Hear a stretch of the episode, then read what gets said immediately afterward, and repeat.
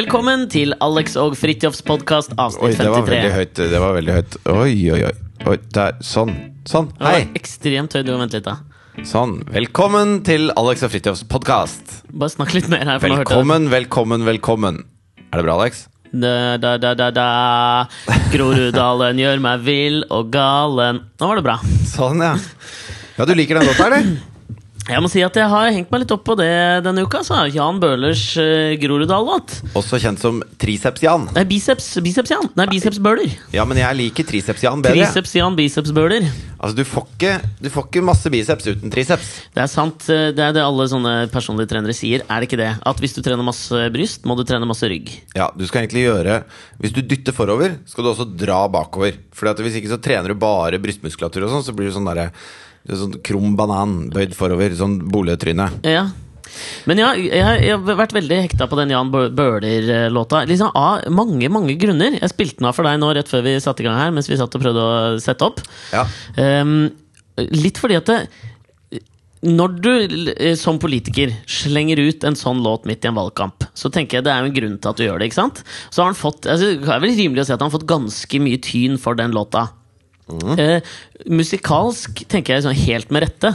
Det er jo ikke Det er ikke noe Kurt Nilsensk over den. Ikke det at han skal stå som en slags sånn sannhetsvitne på hva som er god musikk. Nei, Eller men, men det er ikke så viktig Altså det er ikke så viktig hva det er musikalsk. For han prøver ikke å si at han skal være det neste idolet vi har i Norge. Nei, nei. Det eneste han har lyst til, var å lage en hyggelig låt om det han mente. Og han har lyst på oppmerksomhet. Og jeg syns han lykkes på alle Han har jo fått ekstremt mye oppmerksomhet Ja, av den låta. Støtter det, støtter det big time. Altså, Jan Bøhler er vel fra Kalbakken, tror jeg han er fra Groruddalen. Så vil han ha oppmerksomhet til Groruddalen, for det er stor fraflytting. ikke sant? Ja. Eh, og du og jeg var, var jo faktisk for et, en måneds tid siden på en liten sånn rundtur i Groruddalen. Og jeg, jeg syns jo at Groruddalen sliter med et ufortjent dårlig rykte. Ja, nå føler jeg jo at vi ikke liksom kanskje dukket sånn Altså tok et dypdykk ned i Groruddalens skyggesider. Det tror jeg ikke vi gjorde.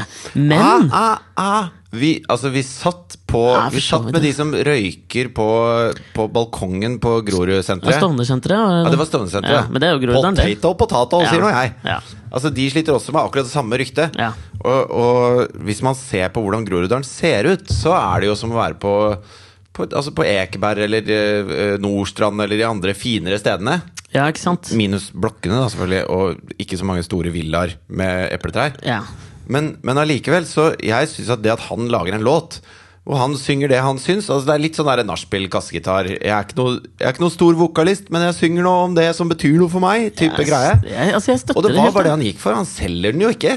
Nei, nei, jeg syns det er helt topp. Hvis du får den gratis, så skal du ikke klage. Nei, det er noe med det. ass. Og så tenker jeg uh, Det er vel en Kjetil Try som står bak uh, hele Det er min tanke, i hvert fall. Vet ikke om det stemmer. Jeg. Men Kjetil Try tipper jeg Du bare finner på. Ja, men jeg tror det. Jeg, jeg tror dette stemmer. At det er liksom Kjetil Try som står bak hele Du tror det, selv om du ikke vet noen ting om det. Jeg, jeg, jeg, jeg tror jeg har gode kilder. vet du det, eller vet du det ikke? Jeg er 90 sikker. Ok, Så du vet det, altså? Ja. Så Kjetil Try står bak dette her? Nei, nei, ikke dette her. Men det jeg tenker er at Kjetil Try står bak eh, eh, på en måte Arbeiderpartiets eh, skal vi kalle det Jeg kaller det reklamekampanje før valgkampen. Det Ja. tror jeg det er Try Apt, som hans eh, firma heter, som står bak. Eh, og jeg tenker Når han ser dette her Sånn med en gang det kommer ut, så ser han at en sånn uh, vill western-fyr i Arbeiderpartiet har liksom gått ut og laget en låt, så tenker han liksom river seg i det håret han ikke har. Ja. Ikke sant? Tenker sånn, Hva faen, nå har han ødelagt alt. Ikke sant? Vi har lagt opp et løp her, la oss følge det til punkt og prikke. Så kommer Jan Bøhler med Groruddal-låta. Faen, nå ødela han alt. Så tenker jeg, ta, ta helt feil!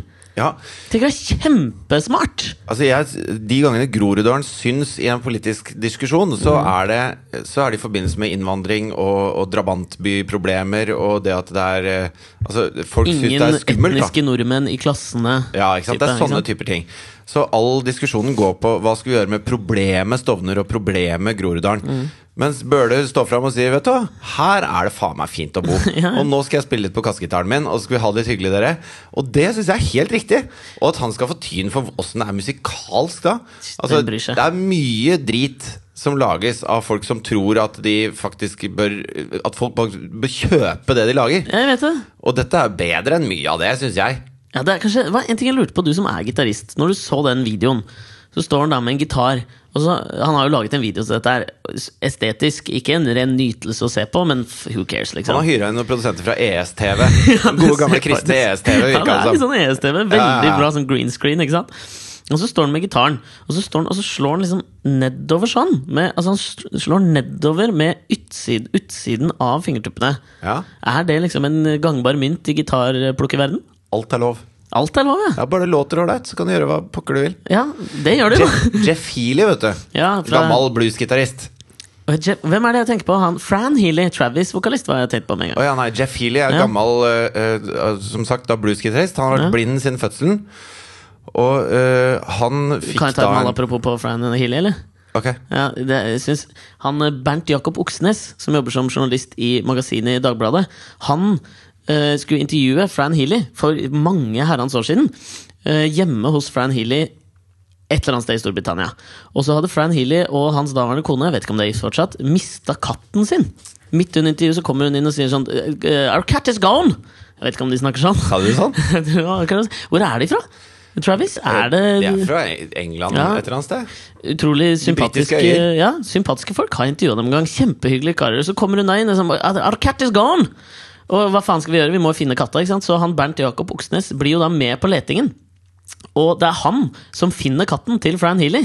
Noe som han da står Da føler, sier jo Fran Healy at jeg står i en evig takknemlighetsgjeld til deg. Så per i dag Den kunne jeg casha inn.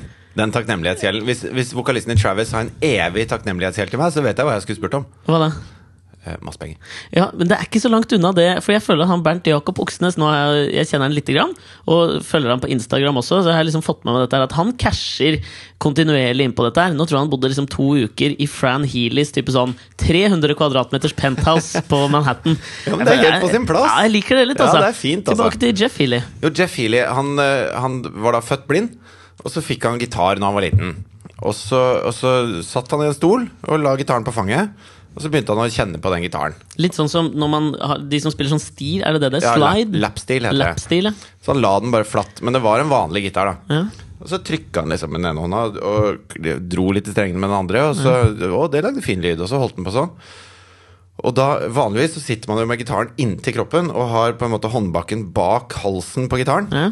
Men han hadde den jo flatt, så han kunne bruke da fingrene bare trykke rett ned på gitaren. Og bruke alle fem fingrene istedenfor bare de fire som er foran. For vanligvis er tommelen Ja. bak. Er det den du bruker til å dempe litt med? Kan man bruke tommelen til det? Ja, du bruker den til det, blant annet. Ja. Så han kunne jo plutselig da Han ble jo sinnssvakt bra på gitar, men Ja. han spilte sånn. For det var ingen som hadde Han hadde aldri sett noen spille gitar før. Så han bare tok det instrumentet og så begynte han å lage lyd med det sånn som han syntes var fint. Så han kan jo spille ting som ingen andre kan spille. Det er liksom Ekstremversjonen av sånn autodidakt eh, læring, det. Ja, altså Han bare Han tok det instrumentet, og så brukte han de hyperskarpe ørene som man får når man er blind. da Ja, ja. For da bruker du de andre sansene mer. Ja. Og, og spiller på en måte som ingen andre gjør. Og, selvfølgelig er det lov. Alt er lov. det er nesten bare bedre når du gjør det sånn. Ja, Kurt også. Du nevnte Kurt. Ja, han spiller motsatt vei. Men han, Han- spiller samme vei. Men strengene ligger riktig, og så Ja. spiller han da motsatt. Sånn at den lyseste strengen er øverst, og den mørkeste er nederst. Ja, Og det vil si at det låter annerledes når Kurt spiller, ja, det, ja enn når alle andre spiller. Og det er jo bare kult. ja, helt enig. Du fortalte meg også en historie i går om en latinamerikansk gitarist. Paco de Lucia, var det det han het? Ja, Etterpå så har jeg begynt å lure om det var Paco de Lucia eller Aldi Miola som tok den telefonen. Ja, Greia var da at han hadde sittet og øvd kjempelenge på gitar. Ja, nede i Latin-Amerika et sted. Ringte til Herbie Hancock og sa Og så sa han Herbie at Hancock, ja, v- verdenstkjent eh, pianist. Ja. Eh, Jazzpianist. Jazzpianist. Starta og har vært med Miles Davis Quintet og gikk videre etter det. Kjempestor. Ja, og Så ringte han opp, og så sa han at eh, Hei, du, du kjenner ikke meg, men eh, du er verdens beste jazzpianist. Så sier Herbie Hancock sånn Å ja, det, det var veldig hyggelig. Ja. Men uh, hvordan, hvordan vet du at jeg er det? Og så sier han Det vet jeg, fordi jeg er verdens beste jazzgitarist. Ja. Å ja, sier du det? Og Ingen helt ukjent Ingen, ingen har hørt om han. Og, han, og siden, siden det er sånn, så bør vi spille sammen. Og så tenker Herbie Hancock at enten så er han her så full of shit, men jeg har ti minutter på meg liksom til å sjekke ut det. Så han Ja. sa fly opp hit, så tar vi ti minutter og bare sjekker åssen det funker. Vi jammer. Jammer litt. Ja. Funka dritbra. Ja, det syns jeg, jeg er en fantastisk historie. Sånn selvtillit skulle jeg ønske at jeg hadde på flere liksom, deler av livet. da Men skal jeg fortelle åssen du får sånn selvtillit? eh, Ja, gjør det. Jeg må øve. Hvis du blir verdens beste i noe. Ja, da har du sånn Petter Northug, mye selvtillit. Ja. Verdens beste langrennsløper. I hvert fall tidvis. Ja, men dette med Jan Bøhler fikk meg til å da tenke på den andre store tingen som uh, vi to har prata om som har skjedd denne uka. Det var hun Miley Cyrus som var på VMAs, altså MTV Video Music Awards. Når du sier det sånn, så virker vi som noe jævla grunne drittfolk. Altså, det, har skjedd, det du sa nå, var at det har skjedd to store ting denne uka. Og det er Jan Bøhler sin Grorud-låt og Miley, Cyrus, på VMA på VMA. Jeg syns det var litt gøy, fordi New York Times var det ikke det, som slo opp denne opptredenen på topp av nettutgaven sin. Og da mener jeg liksom sånn Ok, John Kerry er i Syria. Det skjer ganske mange andre ting når liksom verdens vi kan vel si verdens største avis slår opp det. Bang! Dette er oppslaget. Dette er det viktigste som skjer i verden akkurat nå. Da jeg, da kan vi forsvare det som en slags sånn mediale vaktbikkjer. At vi liksom kommenterer det fra det ståstedet, ikke sant? Er det det vi har blitt? Noen mediale vaktbikkjer? Nei, jeg vet ikke. Men jeg synes det, det er liksom litt av det samme. Sånn det der, når man stikker hodet fram på en måte som ikke er forventa, så er det veldig lett Det er veldig lett å, å kappe huet av Jan Bøhler, og det er veldig lett også å kappe huet av Miley Cyrus etter den opptredenen hun gjorde. Men dette er jo ikke første gang dette har skjedd. Altså, Nei, det er ikke altså Miley Cyrus ble jo kjent som en sånn uh, uskyldsren barnestjerne. Hannah Montana. Ikke sant? Veldig ung, og masse små små barn liker henne veldig veldig godt. Nå også- er hun 20 år. Men også kjent også for å være dattera til Billy Ray Cyrus. Absolutt. Så hun var liksom født inn i en slags musikalsk familie. Da, gjorde jeg gåsetegn i lufta under bordet. Ja, men jeg tror altså, Billy Ray regnes som en av de større aktørene innenfor det jeg kaller drittcountry. Ja. Jeg elsker god country, hater drittcountry. Kanskje på mange måter Amerika, Amerikas svar på Jan Bøhler ligner lite grann. Litt, eller? Han kan Ja. godt være det. Men ja. Hvis du parer Jan Bøhler og DDE og Alejandro Fuentes sin produksjon, ja. så er du inne på noe. Og kan jeg også si Jan Bøhlers stemme når han synger Groruddalen, til tider veldig lik eh, Ole Paus. Eh, Men tilbake til den pur unge datteren hans. Eh, ikke til Jan Bøhler, vet ikke om han Nei, har noen til- datter, men til Billy Ray Billy Ray. Cyrus. Ja. Fordi at det, Hun er jo nå 20 år gammel Ja. og har oppdaget sin egen seksualitet ganske kraftig på Video Music Awards. Å ja, ja. Så det var da hun liksom kom ut av skapet som en, som en slags sånn sex-crazed Ja, uh, ung uh, jente. ja, kan vi si det sånn? ja, og litt sånn der, uh, typisk for da når man oppdager sin egen seksualitet, tenker jeg, og sikkert da jeg var også, det føles famlende, liksom. Beyoncé er Beyoncé nei, er, det er sexy. famlende, men det er jævlig overdrevent. Ja, det, ja altså, men det er hun tar det. i så innmari, da. Så når hun, åp når hun kommer ut av en kjempestor teddybjørn på Ja. Så stikker hun tunga så langt ut som hun bare Og litt sånn på, På sida. siden er liksom blitt hennes varemerke. Som en sånn sliten labrador. Ja. Og så Og hun er jo en Altså, hun er jo en veldig søt jente, det må man si. Objektivt Men- sett sikkert søt. Ikke så søt når tunga henger ut på den måten. Men jeg, men jeg blåser litt Altså, det er litt sånn når Christina Aguilera etter Genie in a Bottle, hvor hun eh, var på en måte en påkledd popstjerne, da. Og det, mm. det synes jeg var Jeg likte den låta ganske godt, faktisk. Ok. Uh, men det er ganske stort hopp fra det til den uh, Dirty. Dirty, ja. Ja, var det ikke den het? hun da? Man må smører seg med sånn. motorolje og, Ja. og tørrjokker på masse sikkert franske eh, Parkour hiphop-dansere. og hiphop-dansere. Ja, kan vi si det sånn? Ja. Eller Britney fra Disney-klubben til I'm a slave for you. Ja. Men jeg skjønner ikke hvorfor vi gang på gang skal skrive opp og ned og i mente om det.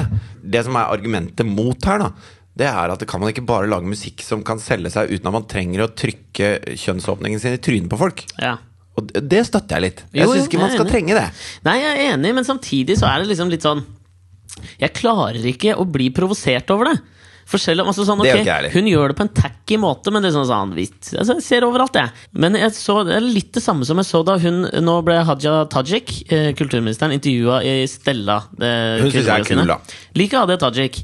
Eh, og så ble, har det jo blitt en kjempesak om Fordi det var pene bilder, og fordi hun var liksom opp, eh, åpenbart da eh, kledd opp i pene klær. Var litt kjasa opp. Ja, var litt kjasa opp, rett og slett. Og da får du pes for det. Hun får, har fått masse pes for det at liksom um, Fordi hun er kvinne, så må hun pyntes. Det holder ikke liksom å bare være Hvis dette hadde vært en mann, så hadde ikke det vært fokus at hun ble tatt eh, bilde av i pene, flotte kjoler. Jan. Bøhler har også pynta seg med cowboyhatten sin og tricepsa sine. Ja, altså, definitivt. Altså, jeg, jeg, jeg, jeg ser ikke forskjellen. Han, unnskyldningen hans er at jeg kom akkurat tilbake fra en sykkeltur. Altså, yeah right. Du har ikke trent så lenge for å ikke Altså, du har klippet rispete av de armene på den eh, Ja, ja, ja. T-skjorta. Men kan vi ikke bare si at når folk har noe å komme med Altså Hvis Miley Cyrus mener at musikken hennes er verdt å høre på, så må hun prøve å underbygge musikken istedenfor å uh, lede fokus vekk fra den. Og du leder fokus vekk fra den ved å gni skrittet ditt i trynet på publikum. Ja. Jan Bøhler syns jeg klarer å få oppmerksomhet rundt saken sin. Og jeg syns han ikke gnir skrittet i trynet på folk. Jeg syns han gjør det på en, på en måte som er veldig Jan Bøhler. Ja. Og det syns jeg er helt innafor. ja da. Sånn at det, og, og Haja Tajik også syns jeg er helt innafor. Miley Cyrus litt utafor. Så fremt er ikke så- saken hennes er ungdommelig seksualitet, famlende ungdommelig seksualitet. Hun vil sette et, et brennende fokus på hvordan man famlende finner fram til sin egen seksualitet. Og hun gjorde det jo sammen med Robin Thicke. Ja, Så, sånn sett så gammel han er ikke gammel som meg. Han er ikke gammel i det hele tatt. Han holder seg veldig bra. Er Robin Thicke like gammel som deg? Han og jeg, akkurat like gamle. Å, shit, ass! Han er kul, da! Ja, han liker jeg godt. Jeg liker jeg godt. Men den handler jo om akkurat de tingene, så sånn sett Ja. kanskje det var helt riktig. Ja. Men jeg tenker at noen det er, det er veldig rart å gi henne masse pepper for dette, for det, det er et svært apparat rundt dette her som bruker henne til akkurat det de vil ha når de setter henne i spandex på VMAs. Ja, jeg synes Et flammende forsvar for Jan Bøhler, Miley Cyrus og Hadia Tajik.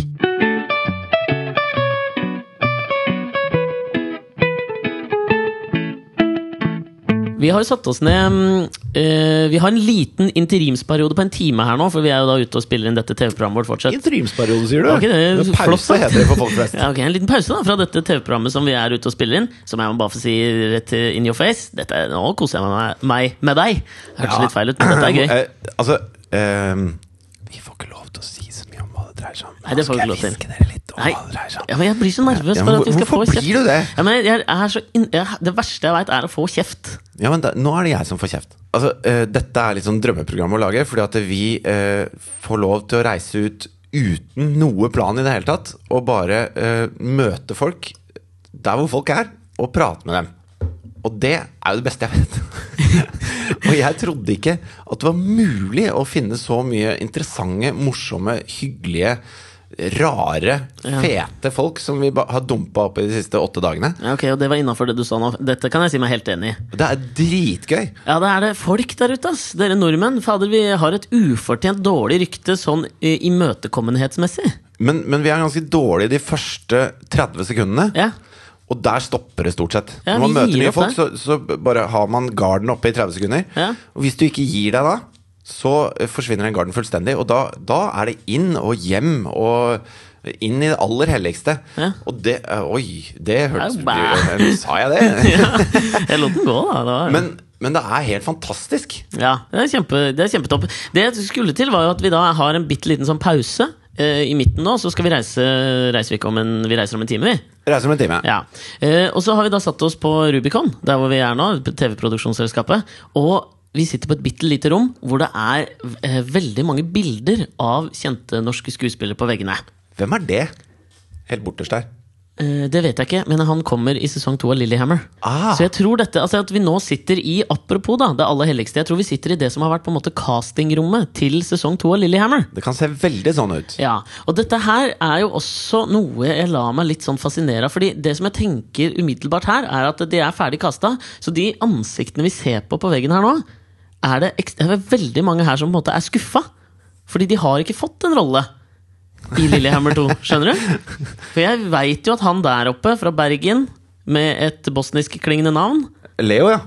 han skal være med. Han, Rolf- med. Larsen skal være med. Det, altså, Skal Lena Kristin være med? Nei, jeg vet ikke. Skal vi bare oute alle? Else Kåss. Har Else Kåss Furuseth vært på audition til Lillehammer 2? Ja, men skulle, Hadde ikke hun noe greier der, da? Ja, Else Kåss, Apropos Else Kåss. Så hun fikk jævlig mye pes nå etter TV2s høstlansering fordi hun hadde stilt opp da Hun kom med skokrem i ansiktet og utga seg for å være Oprah Winfrey. Ja, for hun skal jo lage talkshow nå, så hun skal bli Norges svar på Opera. Ja, Og så var det en av jentene i Queendom. eh, Denne Hva er Queendom? Jeg tror det er en trio eller en kvartett av uh, mørkehudede kvinner. Jeg tror hun Haddy Njay Njie Njay Jeg tror det er Njie. Njie? Jeg tror det er Njay, altså. Ok, enjoy. Eh, og tre andre som eh, opptrer og synger og sånt, da. Ja. Hun ene der reagerte veldig på det, eh, for hun mener at det finnes, at hun tråkker på en sånn tradisjon som er litt sånn betent, som tror jeg kalles blackface. hvor da hvite mennesker kler seg ut som afroamerikanere. Og liksom uh, tuller rundt og tuller med den der Det stammer sikkert helt tilbake fra liksom bomullsplantasjen, ikke sant? Jeg syns hun tar feil, da. Jeg syns det er uberettiget eh, kritikk mot Else Kåss Furuseth. Ja, For det Else Kåss prøvde på, var jo å, å kle seg opp som en bestemt person. Og det er jo noe annet enn å, enn å eh, spille på fordommene mot en, eh, en etnisk gruppe, eller hva man nå skal kalle det. Jeg mener at hvis du, hvis du kler deg opp som Oprah Winfrey, så mener jeg at hun som symbol for Hun er jo ikke et symbol. Som symbol for deg så blir hun jo plutselig et sexsymbol. Hun er jo Du syns jo Opera. Er så jævlig deilig. Kjempedeilig!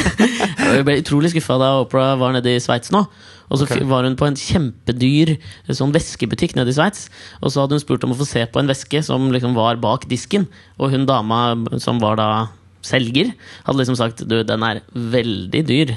Så hun sa at ja, men jeg kan godt få se på den. Ja, den er faktisk litt for dyr. Så hun visste da åpenbart ikke hvem Oprah var, og da hadde hun bare gått fra butikken. ikke sant? Ja, men det- men det er jo noe uh, Nje og sånn bør hisse seg oppover. Helt enig. For det er feil, ikke sant? Ja. Men, men herregud, Torsdag kveld på Nydalen har jo, de har ikke gjort annet i årevis enn å kle seg opp som folk. Nei, det det. Kle seg ut som bestemte mennesker. Ja. Og gjøre narr av det, eller ikke gjøre narr av det. Og nå gjorde hun jo ikke narr av Oprah. Hun sa jo bare at Opera Oprah er dronninga av dette her. Er en Liksom. slags hyllest, tenker Ja, jeg. jeg skal bli den nye Oprah. Ja. Og da kledde hun seg ut som Opera. Ja. Og det må da Det må for faen være helt innafor. Ja, det synes jeg. Og det tenker sånn, eh, hvis man reagerer på det, så gjør man liksom sånn uh, saken verre. Og eh, det ene argumentet var også at det var ikke morsomt. Og hvis det skal liksom være testen på om det er greit å gjøre narr av noe, ja, men det var ikke morsomt, da er det ikke greit. Da tror jeg vi er eh, down a slippery slope. veldig veldig gyngende grunn. Ja. For da er det plutselig din egen humor som avgjør om det er lov å kle seg ut som en, en, en sort person eller ikke. Ja. Og det blir veldig veldig rart. Jeg syns at det, jeg synes at de, gjæ- de, de bør lære litt av jødene. Fordi at ordet jøde har jo blitt brukt som et skjellsord uh, veldig lenge. Men det er jo ikke et skjellsord, det er jo bare en beskrivelse på en, en tro. Ja. Og jødene bruker fremdeles 'jeg er jøde', og da bruker de det på en positiv måte. Og hvis de fortsetter med det, og, og uh, slutter å drepe palestinere, Ja. så de to tingene sammen, tenker jeg, Ja. så vil man igjen uh, ta jøde inn som en, en positiv ting, det ordet, da. Ja, jeg tenker sånn, Kanskje i komibransjen så ser jeg for meg at, at det at du er jødisk, kanskje sånn vi fra Woody Allen via ganske mange og Seinfeld-jøde At det kanskje nesten er blitt et eh, Det er nesten en sånn kvalitetsstempel, tenker jeg. Larry David er jøde, er han ikke det? Det er blitt en sånn greie at, eh, i hvert fall i USA, da, så er det sånn hvis du, hvis du er jødisk, så får du til ting. Ja, da er hun doer. Men jeg lagde jo et sånt eh, et religionsprogram på NRK for et par år siden. Livssynsdirektoratet Livssynsdirektoratet. på NRK 33. Eh, Hvor man skulle ta Nei, NRK1. Og jøye meg! Det Ja. var jo NRK1. Jeg så Ja. på, jeg så på, jeg, altså. Ja, Men i hvert fall, da, da skulle vi ta for oss forskjellige religioner ut fra et forbrukerperspektiv. Sånn at eh, Når det gjelder penger, hva er positivt eller negativt med å være jøde eller muslim eller kristen eller humanetiker eller og, så- og sånne ting? da Ja, fordommen da er jo at jøder er veldig glad i penger. Ja, ikke sant? Og så hadde vi en som jobba i redaksjonen, som hadde uh, studert i Israel. Eh, og hun, uh, hun var veldig sånn kunnskapsrik når det gjaldt mange forskjellige religioner. Ja. Hvis man skal bli kvitt noen fordommer, da, så må man gå de i møte. Så Ja. må man si at eh, Hva er det dere tror om kristne når det gjelder penger, f.eks.? Mm. Og da har folk ett syn når det gjelder protestanter, og ett når det gjelder katolikker. At det, presteskapet innenfor katolisismen De er veldig glad i penger. Mm. Der kan man kjøpe seg fri fra skjærsilden, og det er en del sånne ting som gjør at de har Det er vel kanskje det rikeste, eh, den rikeste religionen. Ja, Scientologien sånn per capita tenker jeg er rikere. Jo, men det er en bitte, bitte liten Altså, de har et eget land, ja, det er de, sant. kat katolikkene, og det Ja. er fylt av gull. ja. Altså, det synker. Hvis, hvis det hadde vært i Nederland, så hadde Nederland sunket en halvmeter til, for det er så fullt av gull i Ja. Vatikanstaten. Men, eh, men da må man liksom si hva er det som er fordommen her? Hva er det folk tror? Mm. Og så legge det på bordet, og så prøve å finne ut om det stemmer eller ikke. Men med en gang det kom inn på jødedommen, så fikk man smelt en sånn antisemittisk greie i trynet. Hvis man spurte, sånn, eh, spurte folk på gata, da. eh, Hva er, hva er ditt, altså, hva, hvordan tror du jøder er i forhold til penger? Ja. Da, da var det plutselig antisemittisk. Ja. Du kan spørre om alle de andre religionene, men ikke akkurat jødedommen. Og jeg føler at det, der er de litt sånn som det queendom. Ja. At der, der tør de ikke å ta debatten, og derfor bygger de selv opp under fordommen. Og det er enig. veldig, veldig farlig. Ja, jeg er helt enig. Det der er skummelt når man liksom, hvis man legger lokk på noe. Hvordan i all verden skal vi liksom gå videre da? Det er, det er skummelt. Det er litt sånn som at Jan Bøhler ikke skulle fått lov å gi ut denne låta bare fordi den er per def altså sånn musikalsk estetisk dårlig. Og hvor jævlig kvalmt hadde det ikke vært hvis Miley Cyrus i en alder av 40 Hvis hun aldri fikk lov til å stikke ut tunga si? Hvis hun måtte være Hvis hun satt med sånn musefletter og sang for barn når hun var 40? På et eller annet punkt så må hun bli en knulledokke, hun også.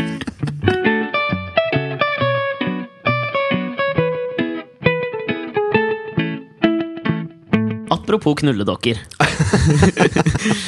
så Det var ikke meningen å kalle henne en knulledokke, men det var det hun framsto som Ja. på VMA. Det er, ikke, det er ikke noe med min eh, Altså eh, det, det, Ikke noe med Knullepreferanse? meg. Nei, overhodet ikke.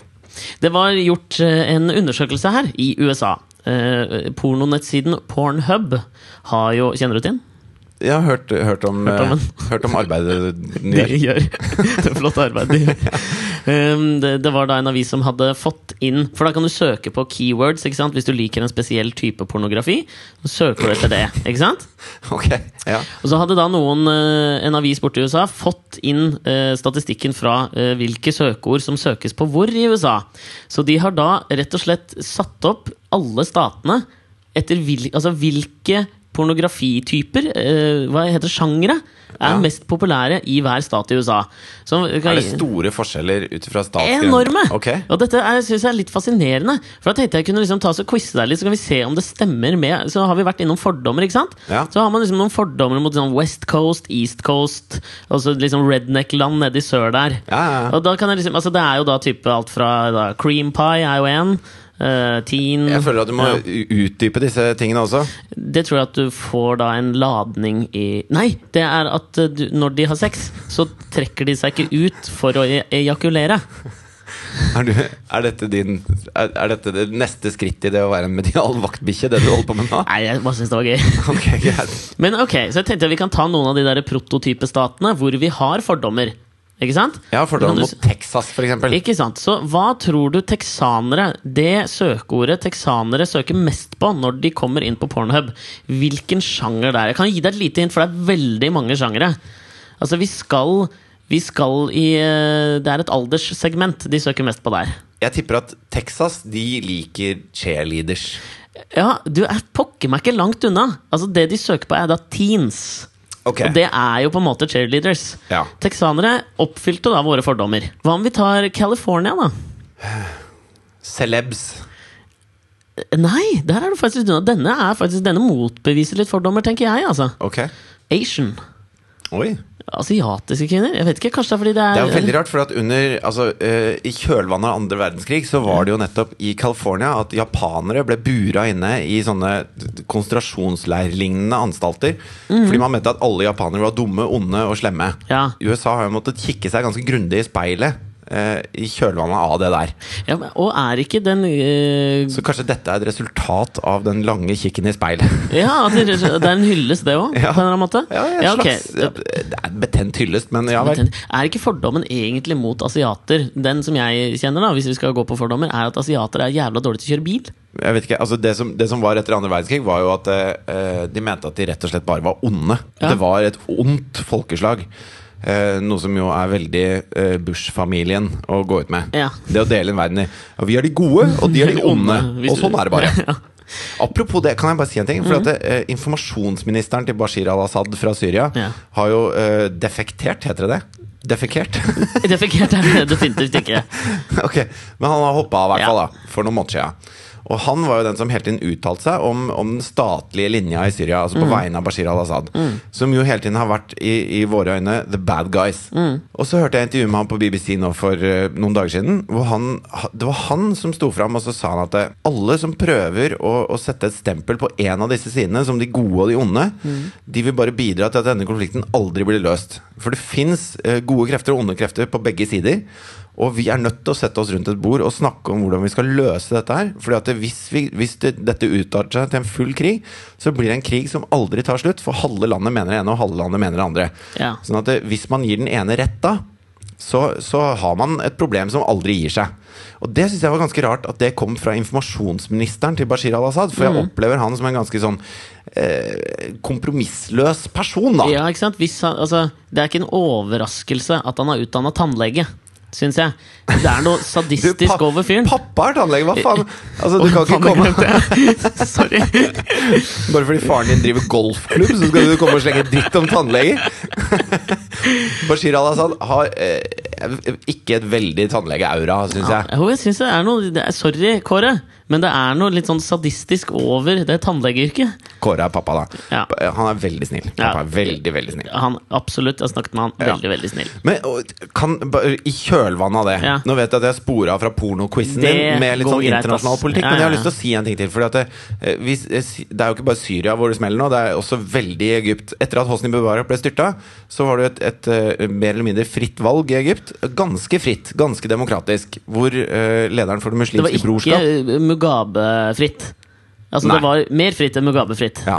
Så lederen for Det eh, muslimske brorskap, uh, Mohammed Morsi, ble valgt til president. Når det gjelder dette med demokrati, som vi kjemper så innmari for, så tenker jeg at det, grunnen til at demokrati fungerer i så stor grad i Vesten, er at vi har satt inn en del sånne uh, sikkerhetsventiler når det gjelder hvordan vi behandler minoriteter Ja. som gjør at det, Sånn som eh, Det har vært mye saker nå om hvordan man skal behandle eh, homofile, lesbiske, transseksuelle i forhold til rett til arbeid, rett til all- alle mulige ting, da. Men når man har et land som er ganske delt, og aldri har drevet med demokrati før, og så uh, blir da en, en majoritet valgt, så blir det da majoritetens tyranni, på en måte. Hvis ikke de koptiske kristne i Egypt blir beskytta, så sitter man da eh, Og så blir de jævlig tråkka på, ikke sant? Og da er ikke demokratiet det det skal være. Så demokrati er ikke bare at de folk flest vil, skal bestemme, bestemmer. Men det har også Du må ha noen sikkerhetsventiler mot eh, minoritetene.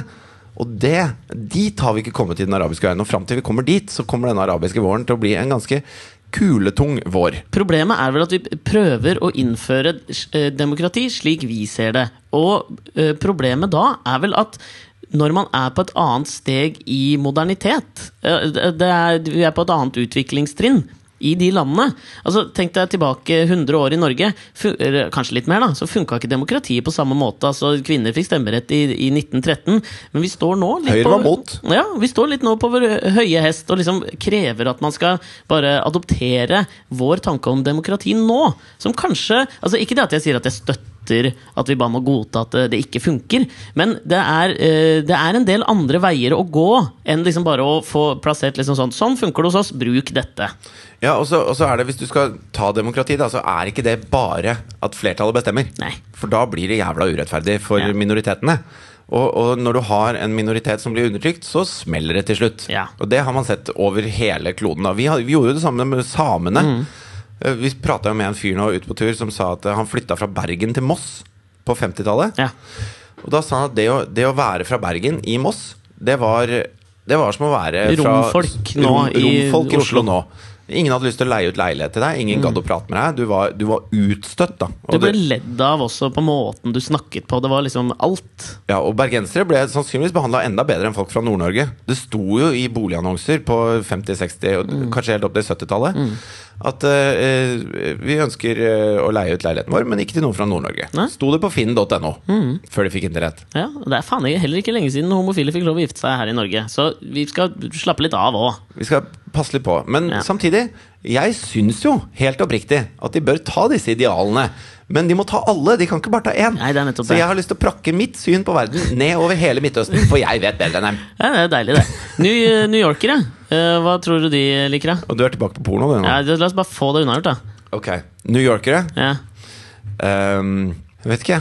Eldre, da. Nei, faktisk college. Overraskende nok. Og så, hvis jeg skal Jeg si ikke det, altså college, Hvis du søker på college, det er ikke så, det er ikke så langt unna å søke på teens. Nei, det det er litt sånn overraskende motbeviselige fordommer. Jeg hadde tenkt litt mer sånn office. Altså, Office sex, er det en uh, sjanger? Ja, det tror jeg. Money sex. Money sex. Men Career sex. Career vet, tenke, Hawaii er den siste jeg skal presentere for deg. For jeg tenker Hawaii er på mange måter USAs svar på Bergen. Jeg ekstremt stolthet over at vi, sånn, vi er med i dette landet, men vet du hva? Vi er rimelig sånn freshe. Vi hadde klart oss uten dere, ikke De er ganske fly ja, de er fly. De søker da selvfølgelig på seg sjøl. Hawaii.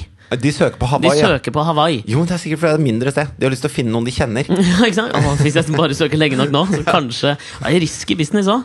Men apropos det. Jeg leste en lang artikkel i eh, Hva var det for noe? Var det eh, Dagbladet Magasinet, tror jeg. Ja. Det er en sånn nettside nå som eh, er i hele verden, men Norge er den ekstremt stor da, i forhold til folketallet. Som går på at, eh, at eh, man, tar naken, altså, man har nakenbilder av folk. Ja. Og så skal da hele nettstedet prøve å samarbeide for å finne ut hvem de Ja, er. sett, ja. Og legge ut navn, adresser og telefonnummer. Og så blir disse uh, jentene trakassert. da Ja, det er stort sett jenter, eller? Stort sett jenter. Tror, jeg har ikke vært der inne, men jeg leste den artikkelen. Og det er, det er flere sånn, unge jenter som har eh, Blant annet de har hatt bilder på iCloud, og så har noen hacka iCloud-kontoen og lagt ut bildene der. Og så samarbeider folk om å finne ut hvem de er, og så sprer de navn og adresse og telefonnummer på de nakenbildene. Sånn at det, sånn at Akkurat de, det som skjedde med Kjetil Tefke. Kremt toast. ja, på en måte. Eller korka grader. Ja, ja, ja. Ja, det er jo en helt for jævlig måte å invadere privatlivet på. Og, og det at det er så mange eh, For det, var vi, Det er så sint, Nå husker jeg ikke hvor mange brukere det var i Norge på den, dette nettstedet, men det er i forhold til folketallet i andre land. Så, så er det liksom helt sinnssykt mange nordmenn som driver med dette her. Og det tror jeg er fordi vi er et lite land. Ja, okay. For jeg tror I USA så bor det 270 millioner mennesker eller noe sånt. Sånn at, eh, at du finner noen du kjenner der, er, det er ganske vanskelig. Ja. Mens i Norge så er det jo hvis du står og prater med noen mer enn ti minutter, så klarer du å finne et eller annet likhets... eh, Et, et eller annet punkt hvor du har et skjæringspunkt hvor du, du kjenner noen som Ja, onkelen min var her før, og ja, det, ja, han kjenner jeg, og sånn og sånn. Ja, da vet du sikkert hvem ble. Og, så, og så finner du noen du kjenner. Og, og Ja, jeg bare syns det er noe dritt. Jeg har ikke noe mer å si om det. Jeg bare syns det var noe jævla dritt.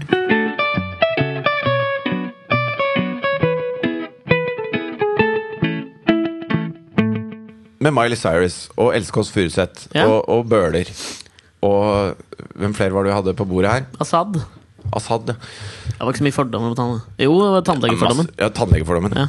Hva er det som ikke er greit å kødde med? Jeg, jeg, jeg liker liksom å tenke at eh, det er greit å kødde med alt. Det, det som veldig ofte er den der testen på om det funker. Ikke sant? Jeg husker da Terje Sporsem var i podkasten og så fortalte han at han hadde tulla med, med um, 22. 22. juli. Eh, Ganske sånn tett opp til at det skjedde, for han skulle jo egentlig vært på Utøya da det smalt. Ja. Eh, og så hadde han hatt et standup-show hvor noen hadde ropt da liksom 'too soon' eller 'for tidlig'. Kanskje det bare handler om tiden man eh, venter før man tuller med det? Det er liksom sånn Russell Brand som stiller som eh, Osama bin Laden på jobb på MTV dagen etter 11. september. ja. Det er for tidlig. Kanskje det er det det handler om? Altså hvor lenge man venter? Ja, men så har det Det har også noe med den derre Altså hvorfor man tuller med det, tror jeg er veldig viktig.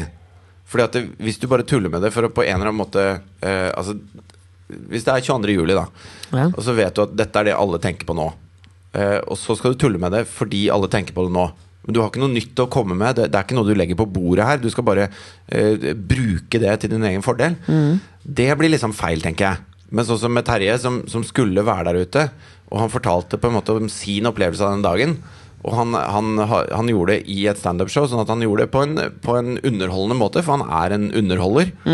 De tingene som ofte er morsomst eh, hos en bra standuper, det er jo de tingene som ikke er eh, Det er ikke vitser, på en måte. Nei, nei. Men det er at man forteller en historie på en underholdende måte.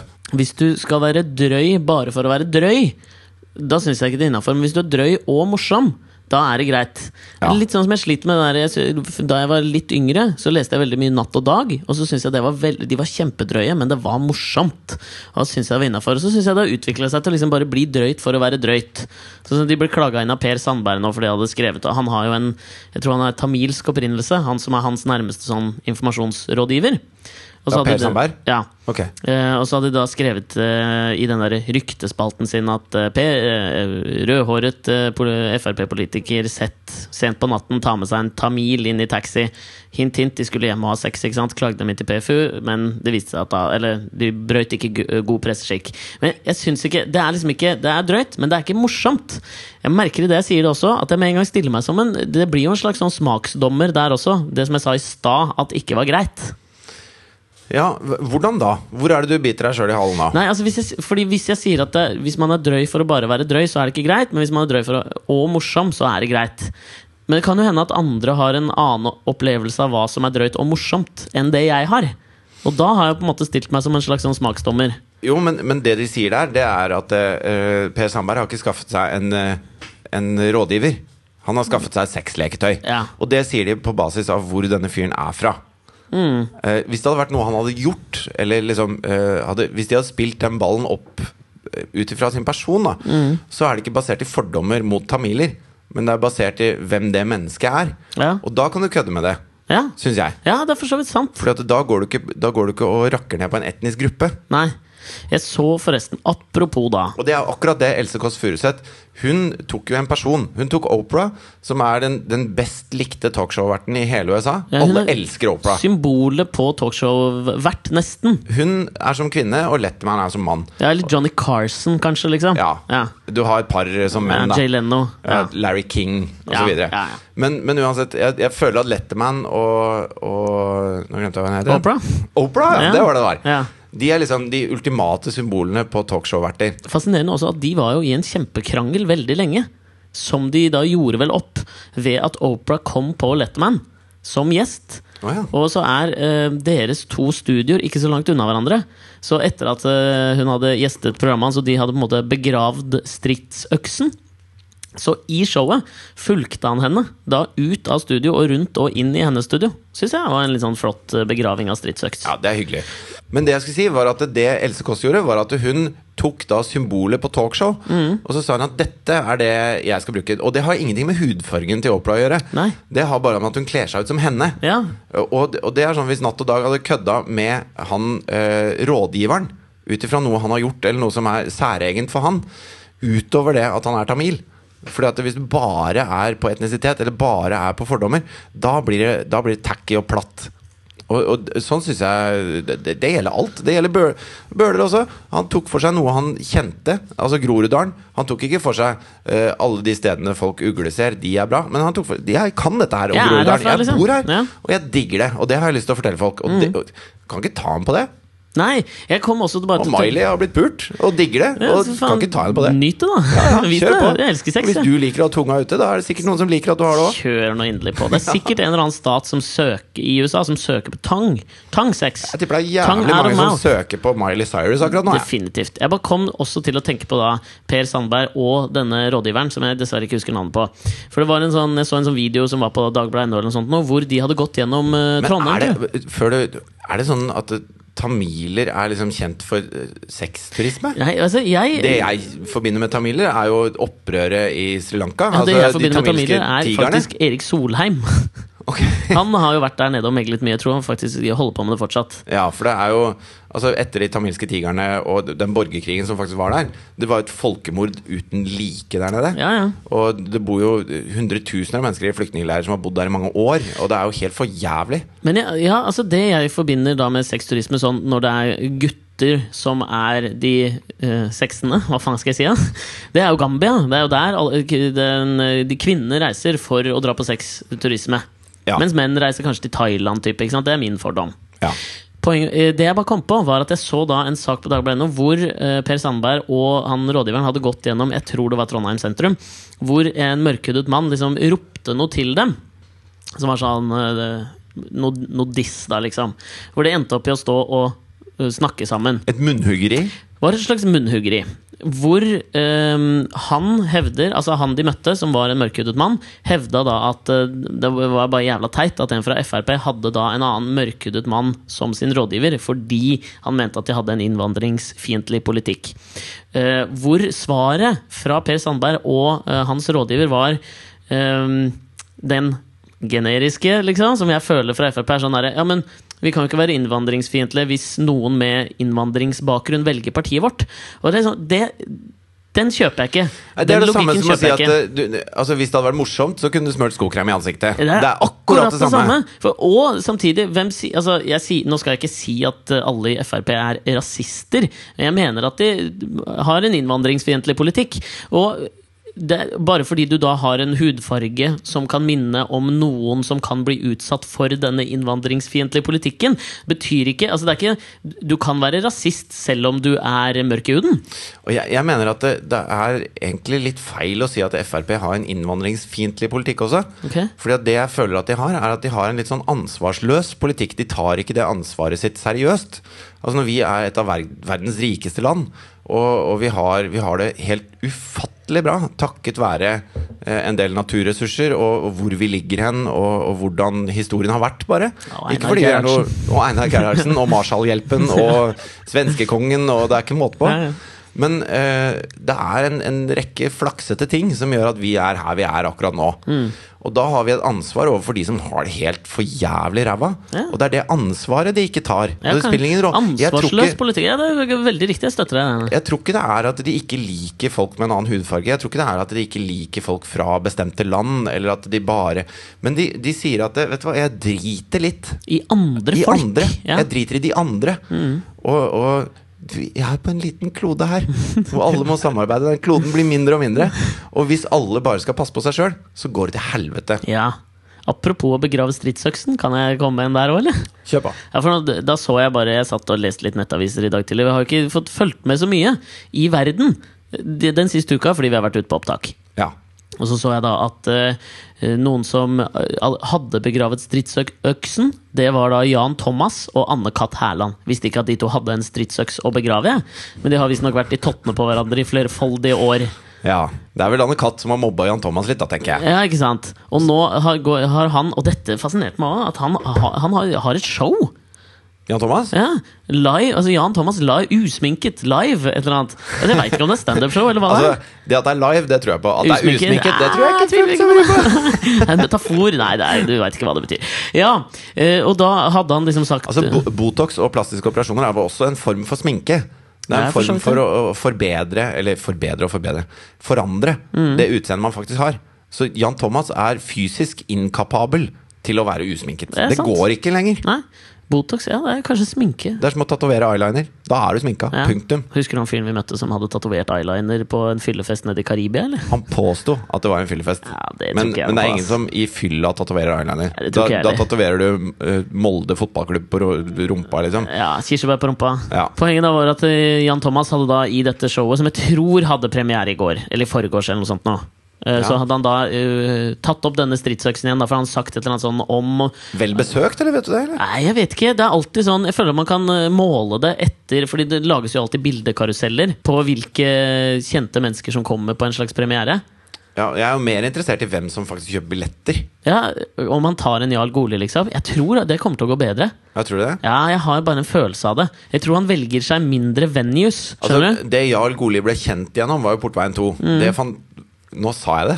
Det fantastiske programmet Nei, det Fantomas. Altså Jan Thomas ble kjent hjemme, var jo Fantomas. Det var Ja, da han gikk opp det skrittet til rikskjendis. Fordi at eh, VGTV hadde en tegneserie hvor de mobba han, som fremdeles ligger på VGTV, faktisk. Så jeg. Og så hvis du ikke har sett Fantomas, veldig, veldig gøy! Det var Anders Bye som hadde da stemmen til Fantomas. Ja, Helt fantastisk gøy. Ja, du likte den? Ja, det syns jeg var gøy. Ja. Det har jeg sagt at jeg syns det var gøy. Jeg syns synes det var gøy, ja, ass. Ja, det var veldig gøy. Ja. Det er liksom vår South Park, da. Norges South Park var Fantomas. Ja, ja. Eh, sånn at de ble jo kjent på forskjellige måter. Mm. Sånn at for de som digga Portveien 2 og derfor skal gå og se uh, Jarl Goli, de de blir skuffa. Men de som digga Fantomas uh, og vil ha mer satirisk underholdning fra dette ikonet, de blir sikkert ikke skuffa. Og så velger de da om de vil tolke det med ironi eller med vanlig. For jeg tror han var vel ikke så Han var jo ikke så deltakende i å lage Fantomas, egentlig. Nei, og ikke i det hele tatt. Nei. Han visste jo ikke eh, om det engang. Men da hadde, tok han da opp igjen på dette showet, som jeg så da var dette med at um, det, norske kvinner er så naturlige, og så hadde han sagt noe om det. Og så skulle han liksom vise et, et bilde. Og så kom det opp et bilde av Anne Katz, og så sa han liksom nei, nei, nei, nei, oi, det var helt feil. Som en vits på at hun har sprøyta trynet fullt av Botox, da. Har hun det? Han mener det. Og hvis det er noen jeg sto- stoler på her Jeg stoler på Jan Thomas Han er. Norges Frederick Brand, tror jeg han heter. Som er, han kalles The Baron of Botox. Det er én sånn lege som bor borte i New York, okay. som kalles The Baron of Botox. da og han, han sprøyter inn på seg sjøl en gang i uka også. Lever bare på juicedietter. Går kledd i veldig flagrende ofte? Nei, han gjør det. Jeg har sett noen bilder av han. Vi kan legge ut et bilde av han på Facebook-sida. Han er glatt som en hockeybane. Han er glatt som en puck. ja. Men det, han er på en måte Jeg føler Jan Thomas har, er Hvis han han, skal ta på Norge. sykkelhjelm, så bare sklir den av. Han må, alt må festes fast i kroppen. Jeg føler det. Tar man bare Botox i ansiktet, eller kan man ta det andre steder? For jeg begynner å få rynker Kan man liksom ta Botox i pungen og få en helt glatt pung, f.eks.? Det tror jeg er ganske farlig. Ja, det er kanskje det. Altså, Jeg tror ikke den skal være glatt. Du vet hvorfor den er rynkete? Nei. Fordi at For at eh, eh, sæden skal overleve og være fruktbar, så må den ha en helt bestemt temperatur. Ja, Det er vel rett under kroppstemperaturen. Jeg tror det. Sånn at det, eh, det Det er derfor det er så usunt en å ha på, for menn ha på setevarmer i bilen. Ja, eller veldig, veldig trangt undertøy. Fordi at det, måten, den, måten kroppen regulerer varmen, varmen på spermaen, Mm. det er altså hvis du er for varm, så senker den ballene ned. Sånn at Ja. det får mer luft. Ja.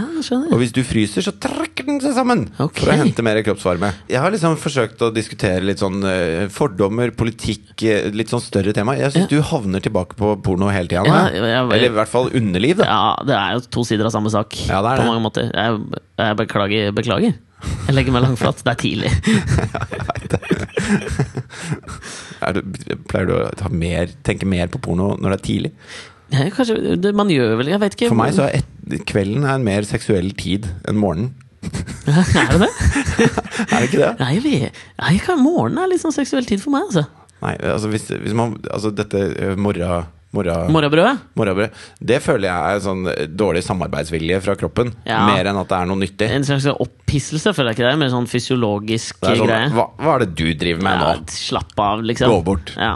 Du har tatt Viagra du forrige uke. Jeg har tatt Kanskje det er senvirkning av Viagraen som bare slår inn på meg nå? At det er derfor jeg er så fokusert på det?